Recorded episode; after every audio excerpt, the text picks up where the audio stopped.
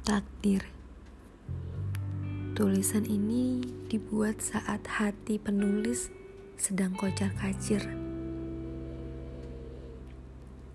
Ibu, putrimu jatuh cinta dengan lelaki yang tak bisa ia miliki.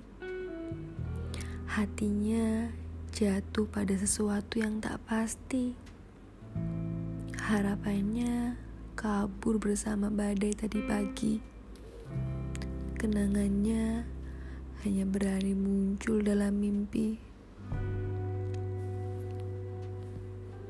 Cintanya adalah sebuah ketidakmungkinan dengan ribuan halangan. Tapi semesta kekeh mempertemukan, membuat putrimu kebingungan. Hatinya sudah diambil seseorang, tapi doamu untuk menjauhkan dia dengan yang disayang. Lantas bagaimana ia akan menang menghadapi fase kehidupan yang ibu hadang?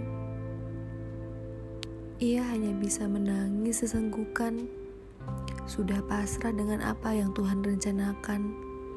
Entah akan sesuai keinginan atau malah jadi berantakan. Hingga sampai akhir, terdapat sebuah pembatas bernama takdir.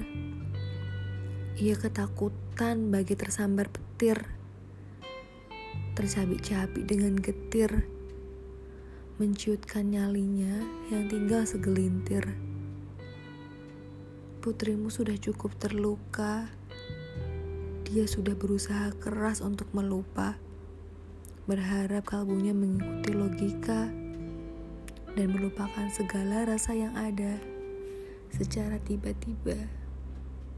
Sukoharjo 29 Mei 2021